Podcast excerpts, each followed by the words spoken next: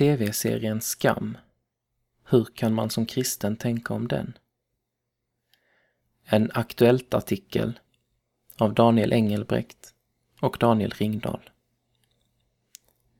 Den norska succéserien Skam har nått en enorm popularitet och hyllats för sin beskrivning av hur det är att vara tonåring.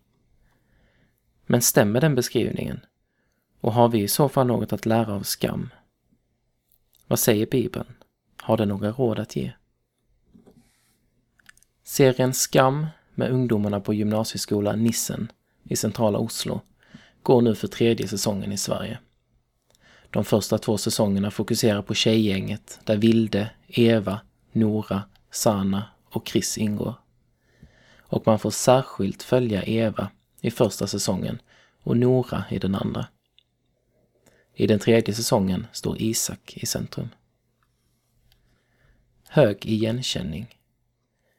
En av de viktigaste förklaringarna till att Skam har blivit en sådan succé är den höga igenkänningsfaktorn. Det är vänskap och relationer som står i centrum, samtidigt som serien inte väjer för svåra frågor. Vilde lider av ätstörningar eftersom hon inte tycker att hon är fin nog. Nora blir utsatt för ett sexuellt övergrepp och Isak försöker hantera att han är kär i sin bästa killkompis. En annan sak som starkt bidrar till känslan av äkthet är att karaktärerna har egna Instagramkonton.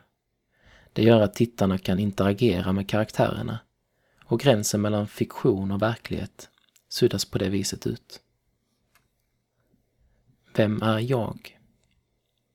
Filmer och tv-serier har en särskild förmåga att tala till våra känslor och väcka en längtan efter att likna hjältarna i berättelserna. Därför måste vi alltid reflektera över vad vi ser. TV-serien Skam hjälper oss att reflektera över vad det är att vara tonåring idag. Hur hanterar jag egentligen alkohol och fester? Ring mig när du har kommit på vem du är, säger Jonas och sätter fingret på den svåra frågan Vem är jag? Hur långt ska jag gå för att vinna en populär människas uppmärksamhet? Var går gränsen mellan min integritet och min längtan efter att bli sedd? Principerna eller status? Som kristen och tonåring kan det bli extra svårt eftersom jag har fått med mig vissa principer hemifrån och från kyrkan om alkohol, sexualitet, fester och inser att de principerna riskerar att göra mig tråkig och utanför i skolan. Hur ska jag hantera det? Tre saker kan vi ta med oss när vi tittar på serien eller när vi försöker lära oss konsten att vara tonåring. Vuxna är viktiga. För det första, vi behöver de vuxna. Ett av de mest utmärkande dragen i serien är frånvaron av vuxna. Den frånvaron är långt ifrån bara positiv. Det kan verka lyxigt att ha en stor våning för sig själv och göra vad man vill, som William. Men William verkar inte vara särskilt lycklig. Det är såklart trevligt att få lite extra pengar ibland, som Eva. Men det kompenserar inte för att hennes mamma typ aldrig har tid för henne, eftersom hon är ute på jobb hela tiden. Vi behöver äldre människor omkring oss som kan hjälpa oss att reda ut vad det innebär att vara människa. Vi behöver de äldre, även sedan vi själva har blivit vuxna. Jesus ger identitet. För det andra. Jesus kärlek är den bästa grunden för vårt identitetssökande. Man kan fundera över varför serien heter Skam. Kanske har det att göra med hur vi lätt låter våra liv styras av andra eftersom vi är rädda för skammen att inte duga.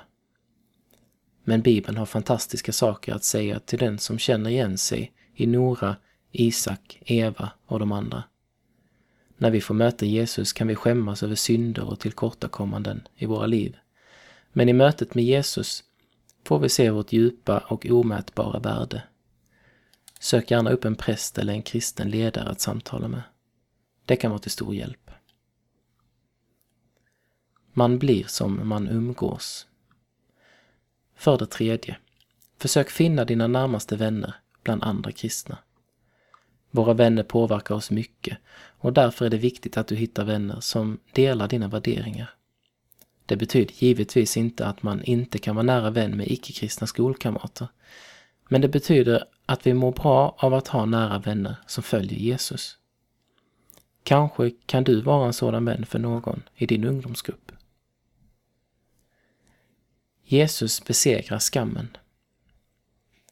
Det är verkligen en konst att vara ung och att finna sig själv. Tv-serien Skam visar denna svårighet på ett fint sätt, men ännu bättre visar oss Bibeln hur vi finner oss själva. I mötet med Jesus kärlek kan vi få hjälp att befrias från vår skam och blomma ut till dem vi verkligen är. De som ser upp till honom strålar av fröjd, deras ansikten behöver inte rodna av skam. Saltaren 34, vers 6.